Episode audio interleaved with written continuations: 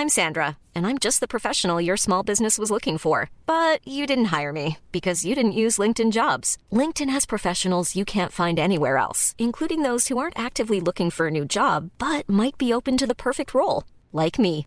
In a given month, over 70% of LinkedIn users don't visit other leading job sites. So if you're not looking on LinkedIn, you'll miss out on great candidates like Sandra. Start hiring professionals like a professional. Post your free job on linkedin.com/people today.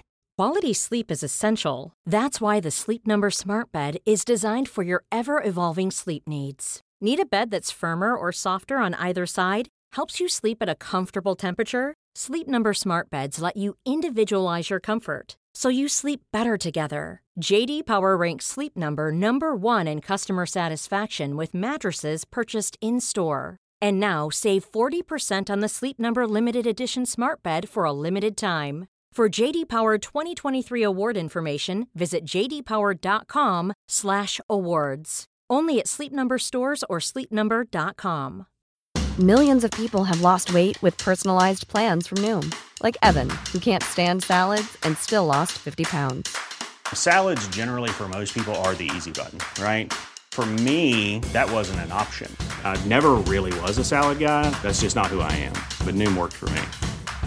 Get your personalized plan today at Noom.com.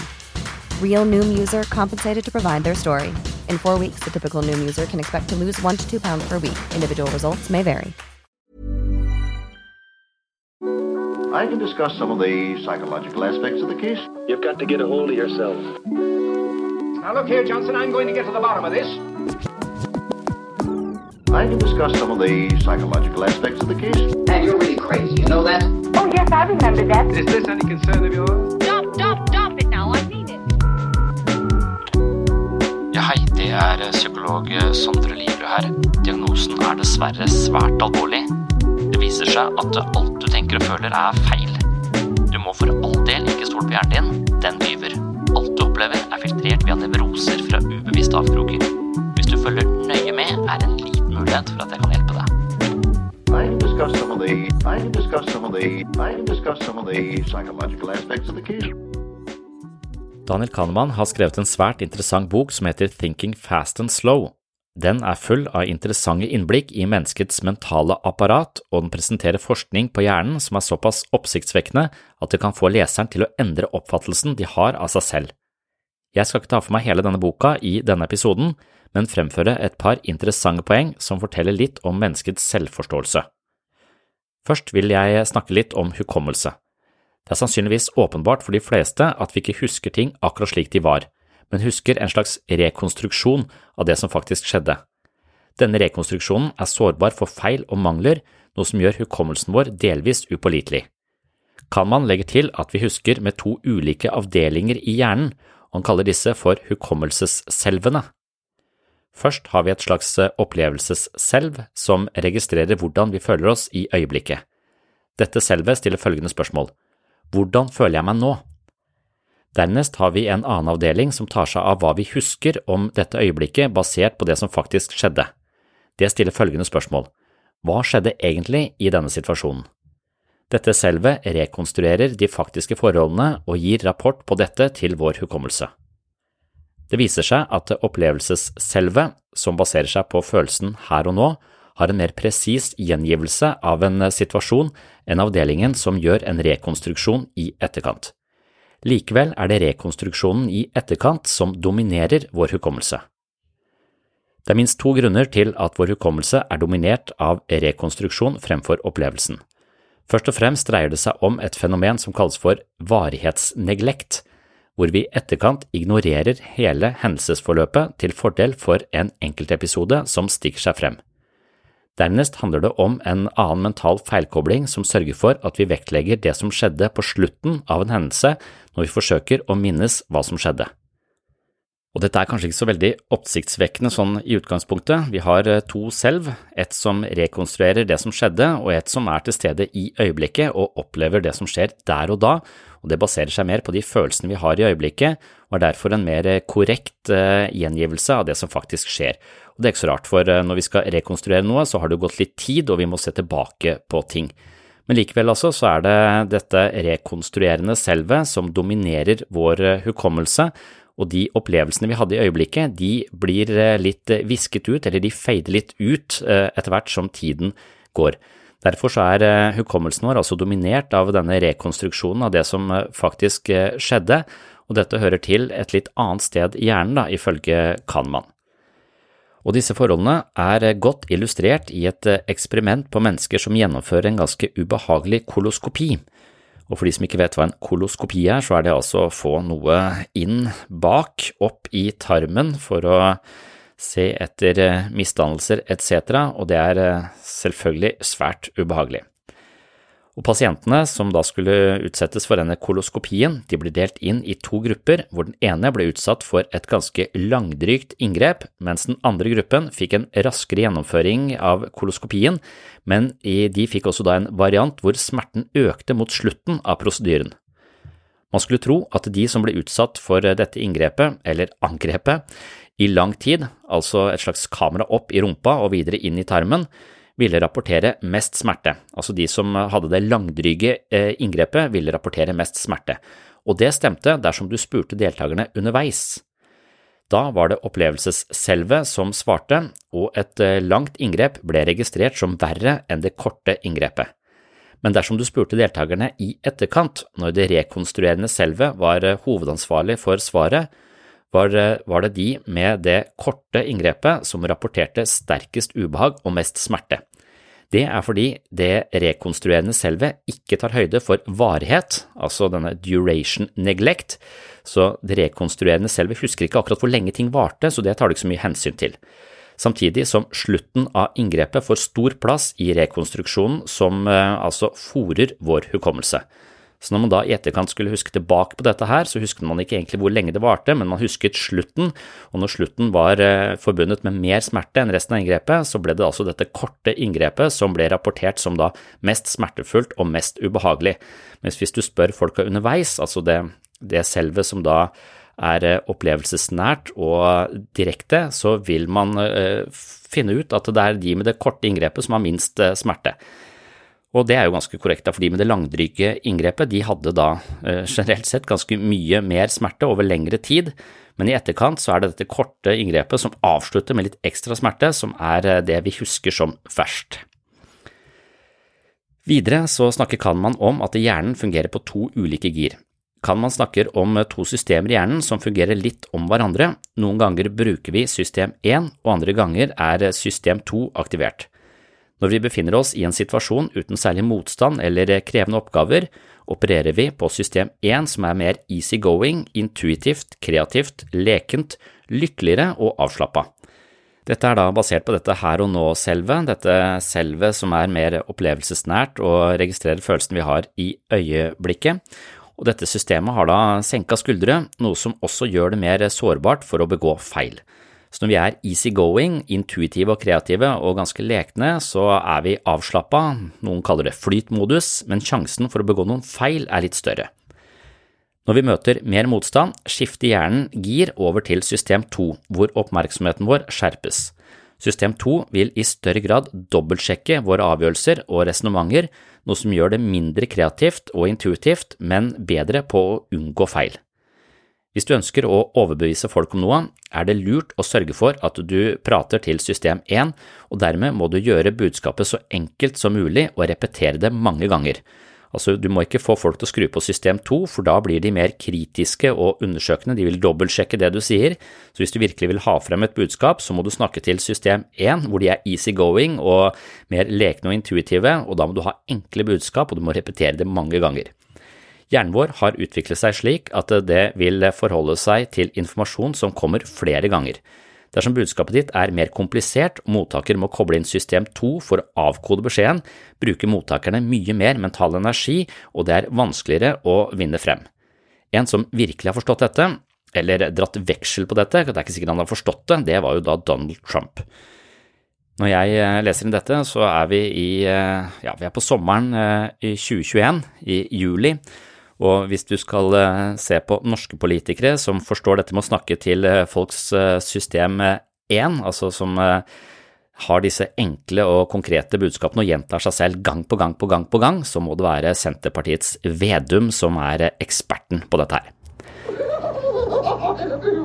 Trygve Slagsvold Vedum flyr høyt på målingene, kan bli statsminister og lover at han ved å senke avgiftene her i landet skal skape nye norske arbeidsplasser.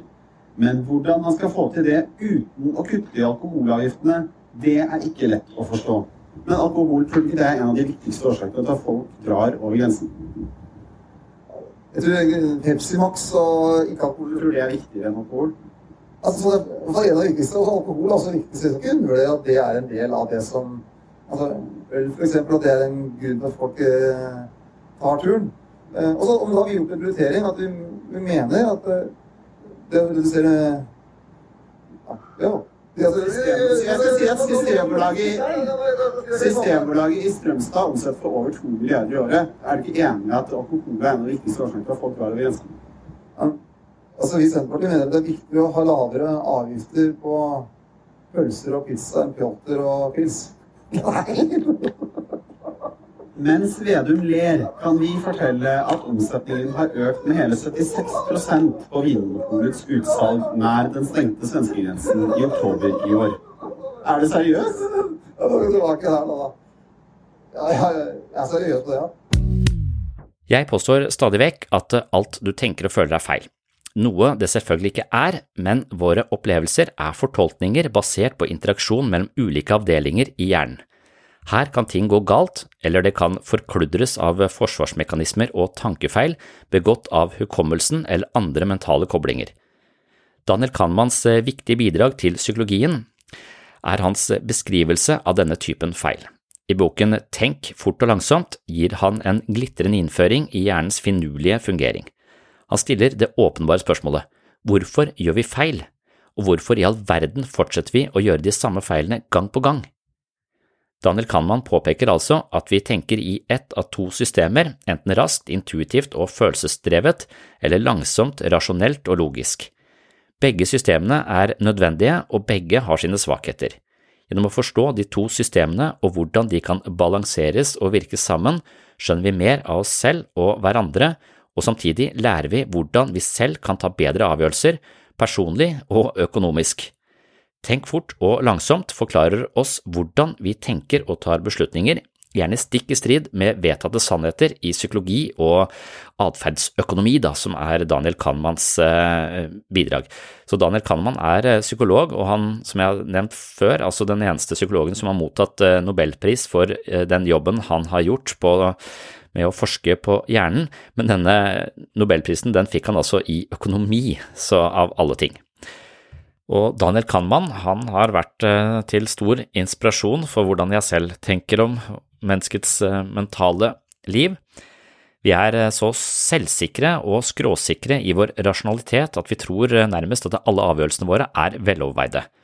Når vi velger en jobb, bestemmer oss for hvordan vi skal bruke tiden vår eller kjøpe noe, så tror vi at vi har vurdert alle relevante faktorer og tar det optimale valget.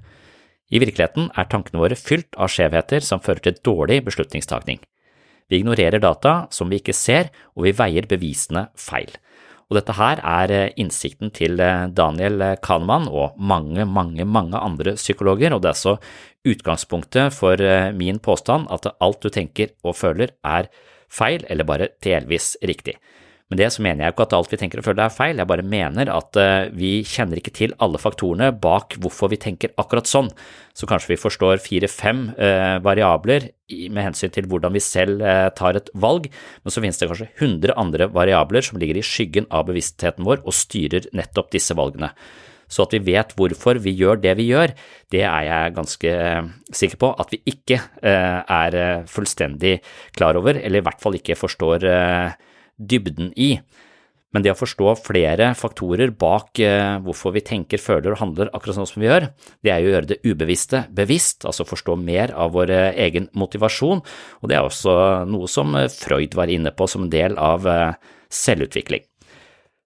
Så dermed så baserer jeg meg ganske mye på Daniel Kahneman når eh, jeg har disse ideene om at vi må lodde dybden i oss selv for å forstå mer av vår egen eh, motivasjon, Og for å kaste nytt lys over dette, så kan man eh, forstå litt mer av hva Daniel Kahneman eh, mener om system 1 og system 2, altså at hjernen fungerer i to ulike gir. Og måten vi girer på, det er ganske viktig for måten vi lever på. Så det å lære seg å gire mentalt, det er ganske avgjørende, og det er med kanskje litt mer innsikt i Kanmans ideer, så blir dette kanskje litt tydeligere for oss. Så jeg vil starte dagens episode med å høre litt eh, hva Kanman selv sier om disse to systemene. I can discuss some of the psychological aspects of the case. You've got to get a hold of yourself.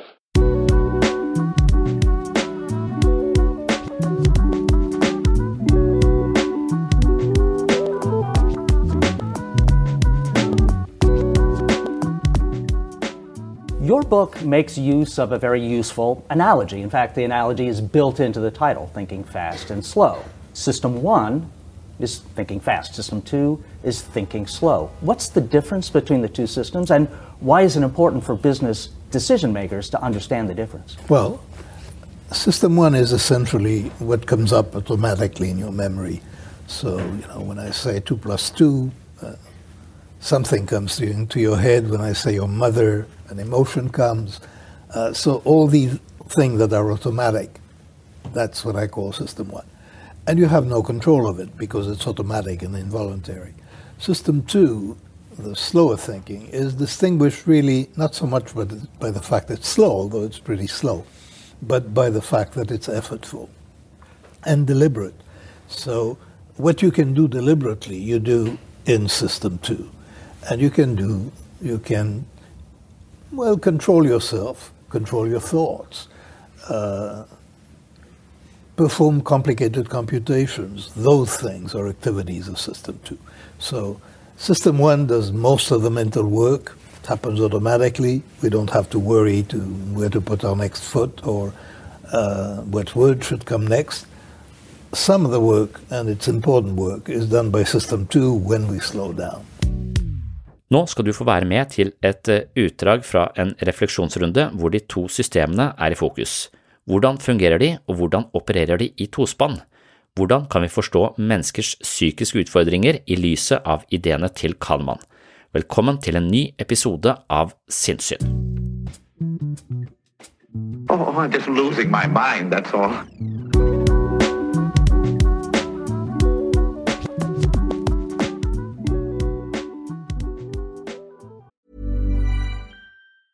Mom deserves the best, and there's no better place to shop for Mother's Day than Whole Foods Market. They're your destination for unbeatable savings, from premium gifts to show-stopping flowers and irresistible desserts. Start by saving 33% with Prime on all body care and candles. Then get a 15-stem bunch of tulips for just $9.99 each with Prime. Round out Mom's menu with festive rosé, irresistible berry chantilly cake, and more special treats. Come celebrate Mother's Day at Whole Foods Market. A lot can happen in three years, like a chatbot may be your new best friend. But what won't change? Needing health insurance. United Healthcare Tri Term Medical Plans, underwritten by Golden Rule Insurance Company, offer flexible, budget friendly coverage that lasts nearly three years in some states. Learn more at uh1.com. Burrow is a furniture company known for timeless design and thoughtful construction, and free shipping, and that extends to their outdoor collection. Their outdoor furniture is built to withstand the elements, featuring rust-proof stainless steel hardware, weather-ready teak, and quick-dry foam cushions. For Memorial Day, get 15% off your Burrow purchase at burrow.com slash ACAST and up to 25% off outdoor. That's up to 25% off outdoor furniture at burrow.com slash ACAST. Når man leser eh, Daniel Kahneman eh, på en del av disse tingene som handler om det narrative selve og det han kaller det opplevelsesselve. For, for Daniel Kahneman mener at vi har to selv som, um, som utgjør kjernen i vår egen selvfølelse, eller forståelse av oss selv. Da. Og han snakker om det narrative selve, eller det forklarende selve, og det opplevelsesmessige selve. Det. Og, de to selvene de, de opererer um, parallelt, men hukommelsen vår domineres av det narrative selve, eller det forklarende selve. Og Det gjør også noe med vår forståelse av oss selv. at det, når vi opplever noe, altså her og nå, så er det det opplevelsesselve som koder og, og forteller oss Det er de signalene vi lytter til, og de er mer presise enn det narrative selve. For det narrative selve det kommer inn i etterkant og husker tilbake på det som har skjedd. Og Det vil da rekonstruere fortiden, og dette narrative-selve begår noen sånne typiske feil når det rekonstruerer fortiden. Så For å illustrere det, så, så bruker han eksempler fra folk som har gjennomført en koloskopi. Vet dere hva det er for noe? Det eh, høres ut som et helvete. Det, det, det, det er noen som prutter et kama, kamera opp i rumpa di og bare fører det oppover. Det, det, høres ut som en slags eh, institusjonalisert form for voldtekt som, som, du er nødt til å gjennomgå hvis du har et eller annet eh, faenskap eh, i, i, tarmen. Da. Så koloskopi er selvfølgelig svært ubehagelig. Og når du gjennomfører dette her på en stor gruppe mennesker, så delte de gruppa inn i to. Og den ene gruppa den måtte gjennomføre en ganske langdryg prosedyre med dette, dette, denne koloskopien. Mens eh, den andre gruppa den gjennomførte et mye kortere inngrep, men dette kortere inngrepet det ble avslutta på en mer smertefull måte. Så smerten økte mot slutten av, eh, av inngrepet. Og Her er det to sånne eh, feilslutninger som dukker opp i det narrative selve. For det første så husker ikke det narrative selve så mye lengde på det som har skjedd. Det husker enkeltstående øyeblikk og så bruker, tar det det med seg inn i fremtiden og skal rekonstruere. Så den husker ikke hvor lenge ting varte. Samtidig så vil det narrative selve legge vekt på det som skjedde på slutten av en, eh, en hendelse. Sånn at det, det, vil huske det siste som skjedde, bedre enn det andre, og så vil det trekke fram noen enkeltelementer i selve eh, hendelsen når det rekonstruerer dette her. Så når du da spør folk i etterkant av dette koloskopieksperimentet om, eh, om eh, hvor ille det var, så vil de som hadde det eh, korte, eh, den korte inngrepet, de vil eh, logge det som verre enn de som hadde det lange inngrepet. Selv om de som hadde det lange inngrepet, hadde det verre. Altså, for når du spør de underveis, så vil det være, da er det det opplevelsesselve som svarer, og det er mer presist. Det å ha et langdrygt inngrep er verre, det er mer smertefullt, smerten er høy over lang tid, mens, eh, mens i etterkant så vil man huske det korte inngrepet fordi det ble avslutta på eh, mer smertefullt, for at smerten økte mot slutten, så vil man huske det som verre. Så underveis så rapporterer de som har det langdryge eksperimentet, mer smerte, og det er korrekt, mens i etterkant så vil de eh, rapportere det motsatte. Altså de som hadde korte, eh, korte inngrepet, vil eh, logge det som, som verre. Så, så, så, det sier noe om hvordan hukommelsen vår fungerer. Og, og det jeg, jeg, har akkurat vært på guttetur, og driver, vi driver også arrangerer dette hvert Eller vi er to arrangører hvert år. Og det er en slags konkurranse i å lage den beste turen. Problemet er altså, Når jeg hadde lest da Kanman i forkant, da, så vet jeg at på dag, altså på dag tre, søndagen etter en langhelg, så, så vil vi avslutte så fyllesyke med så mye vondt i hodet at eh, de kommer ikke til å huske denne turen som bra. Så jeg la inn en sånn twist sånn at vi ikke kunne være fyllesyke på søndagen, for da ville de i etterkant logge dette som beste turen, og jeg ville vinne konkurransen. Det var, det var planen min for å, eh, for, å få, for å, lure det narrative selve deres til å rekonstruere eh, denne situasjonen, sånn at de ikke husker det. Så, og fy faen, jeg var, helt, jeg var så kvalm på, på søndag når vi skulle hjem at jeg visste ikke hvor jeg var. Den opplevelsen vil jeg prøve å, å unngå hos deltakerne, men jeg klarte det ikke helt, da. Men, eh, men det var målet mitt ut ifra disse, disse, teoriene.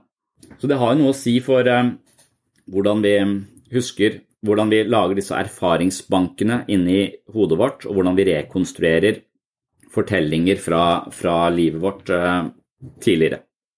Så det narrative selve det lager sammenhenger og legger til, og er da mindre presist enn opplevelsesselvet, som tar hensyn til følelsene der og da. Og en annen ting som, som kan Kahneman da i, i, tråd med dette eh, legger opp til, han sier at eh, hjernen vår fungerer på to systemer. Det er system 1 og det er system 2. Han kaller det bare system 1 og system 2. Og det første systemet det er dette som er mer på denne opplevelsesmodusen. Og det første systemet det er når vi er avslappa vi er mer kreative, vi kan være lekne og mer intuitivt til stede i livet vårt.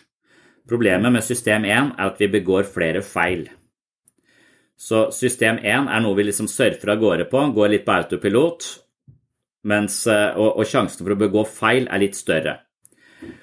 Når vi står i situasjoner som er mer krevende, når vi står overfor problemer vi skal løse osv., så, videre, så kobler vi inn system, system 2, og det er mye mer energikrevende og mye mer analytisk, og det går litt treigere, for det system 2 det er mye mer tilbøyelig til å dobbeltsjekke konklusjonene våre, dobbeltsjekke resonnementene våre, resonnere en gang til osv. Så, videre. så da er, vi, da er vi problemløsningsmodus. Så, så de to systemene fungerer litt sånn eh, om hverandre. Og så sier, kan man at det, det, er mulig å lære seg å koble inn og ut disse systemene, avhengig av hvilket system vi trenger å, å bruke.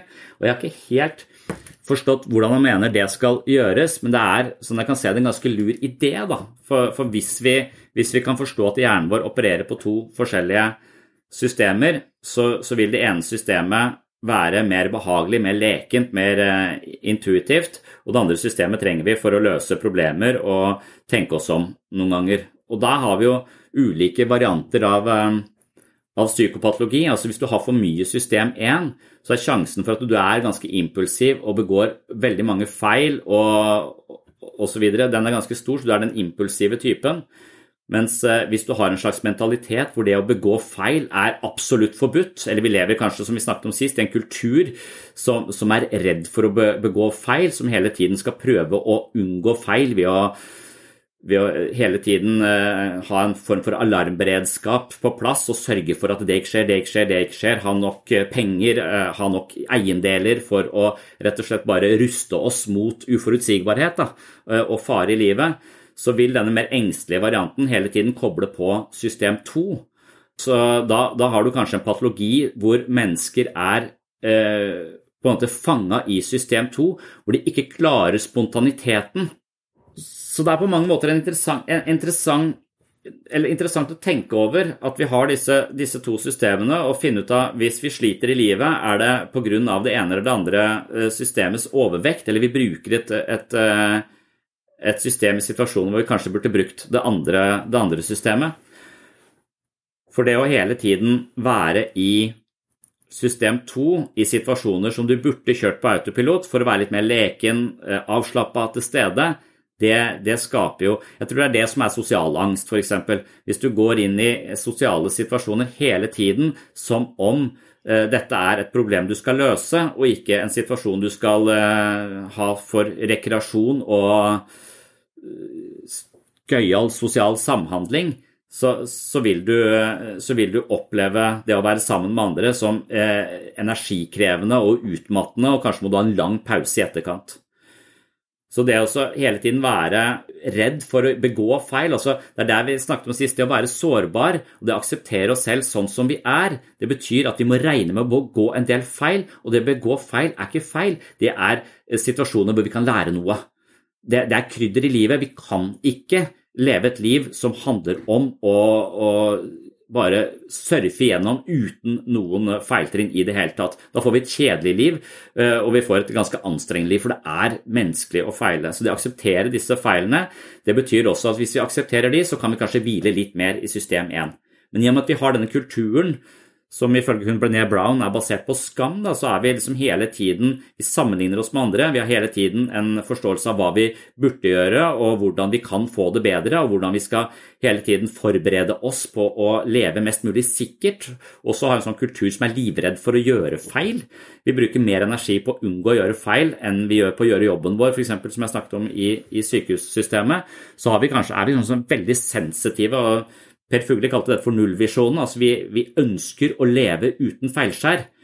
Og det er eh, en måte å skru på system 2 på i altfor mange situasjoner. Derfor så er vi på alerten, og vi hele tiden monitorerer for mulige farer, tenker på nytt og på nytt og på nytt. Og hvis vi gjør det f.eks. i en jobbsituasjon, så vil vi komme hjem på ettermiddagen og være helt utmatta. Og det er det, det er det, som også er rapportene mange jeg møter her. at eh, etter en, eh, Jeg skulle prøve å komme tilbake til jobb, og så etter to timer på jobb så er jeg helt med hvile i, i, tre dager, er det noen som sier.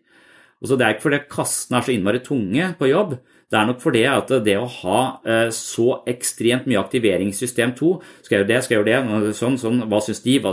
Hele tiden drive og gruble og kontemplere over den situasjonen man er i, det er enormt slitsomt. Det må man i starten når man skal lære seg nye ting, men man kan ikke drive med det på hverdagslig basis, for da blir man utmatta. Det er litt sånn som jeg også opplever at noen, noen møter andre mennesker som om det var første date. For på første date så hender det at du kobler inn system 2, også i forkant. Oi, åssen skal dette gå? Hva skal jeg si? Vi snakket tidligere om det at Fleksnes han driver og trener på hvordan han skal si 'hallo' på en kul måte til den dama han skal møte.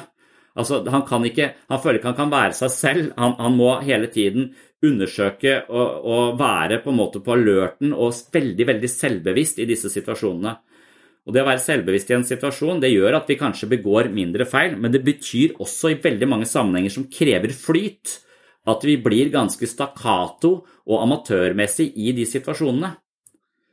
Sånn at det å hele tiden basere seg på system 2 i situasjoner som egentlig hadde vært tjent med system 1, det, det, gjør at vi, vi, tror vi unngår å gjøre feil der, men på den annen side så blir vi veldig akava og, og klønete, for det tar så lang tid i system, i system 2. Så, så, så, jeg tror mange på en måte har satt seg fast i en eller annen sånn eh, alarmberedskap i system 2 og bruker den i altfor mange situasjoner hvor de driver og monitorerer for mulige, mulige farer. Og jeg, og jeg, kan merke det på meg selv om jeg er i system 1 eller system 2. Eh, for det, du, du, kobler inn system 2 når du møter motstand om å, om å gjøre noe, eh, noe, som krever litt ekstra, og så er det system 1 når du kjenner at du bare kan kjøre på, på autopilot. Og denne, På denne gutteturen så er jeg i system 1 jeg er sammen med vennene mine. For de, de, kjenner jeg godt, og jeg trenger ikke å tenke så mye på hvem jeg er. Jeg er akkurat sånn som jeg er, så jeg kjører på system 1. Men så kommer vi på et eller annet jævla utested, så sitter vi der, og heldigvis er det sånn korona, så jeg slipper å prate med andre folk helt til klokka blir tolv, og du kommer ut på den brygga der. Og da kommer det andre folk til. Eh, og dette her er da mennesker jeg ikke kjenner, som skal prate og være sosiale osv. Og, så og det er ikke min greie. Jeg er ikke sånn opptatt av å snakke med folk som jeg, skal, som jeg ikke kjenner fra før. Jeg kan være det, men jeg kobler inn system 2 da. For da tenker jeg åssen i faen er det denne smalltalken på brygga når man er sånn halvdritings foregår igjen? For jeg blir ikke så full at det, For det, alkohol det demper system 2, så jeg skulle kunne operert i system 1. Men jeg fungerer ikke sånn. Jeg går rett på system 2. Så fra å være helt avslappa og lun til å møte alle disse menneskene som plutselig skal prate med meg, og jeg skal være sånn eh, skal på nachspiel der. Jeg skal på nachspiel, jeg orker jeg skal hjem og legge meg. Jeg orker ikke å koble på system 2 jeg nå for å være en sånn sosial variant av meg selv. Men så ser jeg at mange av de andre kameratene mine de, er, de kjører fortsatt på system 1 ute på brygga der når det kommer folk og prater med dem. Og da står en av, av kameratene mine står og prater med, med en dame, og så sier, så sier hun dama du, jeg har aldri møtt noe med så mye selvtillit som deg. Og så sier han ja, man får så mye selvtillit når man drikker hele dagen, vet du. Eh, og det er nettopp det. altså Alkoholen demper system 2, så man bare kan kjøre på en autopilot. Og når du har 40 års erfaring med å være på, eh, på, på byen, så er den dritgod på det.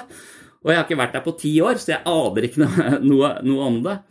Så det er helt åpenbart at han lykkes så mye bedre, han mestrer den situasjonen fordi han kan stole på system 1. Og det kan godt være jeg også kan stole på system 1 i den situasjonen, men jeg må nesten velge å gjøre det. Og det, kommer til et punkt der hvor jeg tenker, vet du hva, nå bruker jeg så mye energi på å prate med deg at det er ikke verdt det. Jeg kjenner deg ikke. Jeg skrur på systemet igjen. Jeg driter i hva jeg sier for noe. Jeg tør bare å være. Jeg bare er sånn som jeg er. Som igjen krever denne sårbarheten. Jeg, jeg, system 2 går inn fordi jeg tenker at jeg er ikke god nok. Uh, jeg kan ikke dette. Jeg må tenke meg om. Men, men, så tenker jeg at vet du hva, eh, jeg kommer aldri til å møte deg igjen. Jeg driter Jeg orker ikke å spandere system 2 i denne settingen her sånn. Ganske sliten fra før. Eh, vært på hele dagen, så nå kjører jeg bare på system 1. Så jeg lurer på om det er mulig for folk å velge det. Kan man liksom bevisst gå inn og si dette, dette, er, ikke, dette er ikke verdt det? Eller hvis du er i en, hvis du er i en jobb da, og hele tiden er på sånn Jeg må ikke gjøre det, jeg må, jeg må gjøre alt riktig, ingenting eh, må skje feil. Får du godt nok betalt til å bruke så mye energi i den jobben? Da, da mener jeg, da får, Hvis du, kommer hjem og er helt utmatta og ikke har noe å gi til familien fordi at eh, jobben din har krevd system 2 hele dagen, det siste du hørte var kun et lite utdrag fra en lengre refleksjonsrunde omkring ideene til Daniel Kahneman. I vårt mentale førstegir er vi intuitive og kreative, mens i andre gir er vi ettertenksomme og grublende. For at vi skal fungere, må systemene jobbe godt sammen. Vil du høre mer om dette, kan du gå til episode 56 på Patron. Episoden heter rett og slett Spontan eller reflektert, og den inneholder hele foredraget du kun fikk en smakebit av her. I tillegg finner du over 100 andre poster fra denne podkasten inne på Patron. Her er det over 55 ekstra episoder av Sinnssyn, mentale øvelser, mye videomateriale, og jeg leser bøkene mine kapittel for kapittel, slik at Patron til slutt huser lydbokversjonen av mine tre bøker. Hvis du finner verdi her på sinnssyn, vil ha mer sinnssyn hver måned og har lyst til å støtte prosjektet slik at jeg kan holde hjula i gang her på podkasten, er et abonnement på Patron av stor betydning. Du kan selv velge beløp, det er enten 50 kroner, 80 kroner eller 130 kroner per måned, og beløpet vil altså gi deg et medlemskap på mitt såkalte mentale treningsstudio. Jeg vil også benytte anledningen til å takke alle dere som allerede er Patron-supportere. Det er lyttere som dere som sørger for at lysene er på her inne på Sinnsyn uke etter uke. Det er kostnadskrevende og tidkrevende å drive en podkast, men jeg elsker å gjøre det, og med støtte fra Patron-lyttere kan jeg prioritere sinnssyn hver eneste uke, så tusen hjertelig takk for det. Oh, I'm just losing my mind, that's all.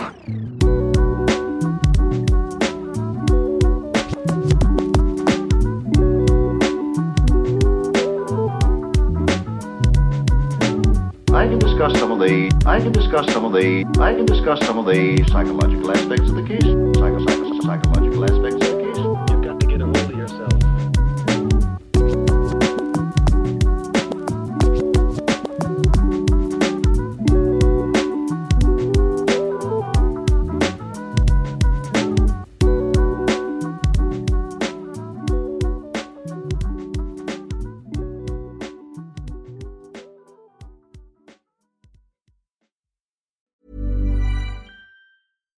deserves the best, and there's no better place to shop for Mother's Day than Whole Foods Market. They're your destination for unbeatable savings, from premium gifts to show-stopping flowers and irresistible desserts. Start by saving 33% with Prime on all body care and candles. Then get a 15-stem bunch of tulips for just $9.99 each with Prime. Round out Mom's menu with festive rosé, irresistible berry chantilly cake, and more special treats. Come celebrate Mother's Day at Whole Foods Market.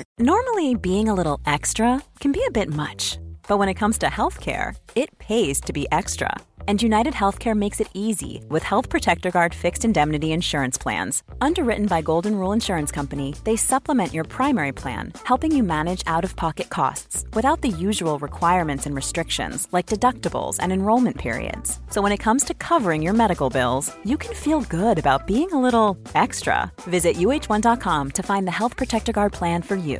Imagine the softest sheets you've ever felt. Now imagine them getting even softer over time. That's what you'll feel with Bowl and Branch's organic cotton sheets. In a recent customer survey, 96% replied that Bowl and Branch sheets get softer with every wash. Start getting your best night's sleep in these sheets that get softer and softer for years to come. Try their sheets with a 30-night guarantee. Plus, get 15% off your first order at bowlandbranch.com. Code BUTTERY. Exclusions apply. See site for details.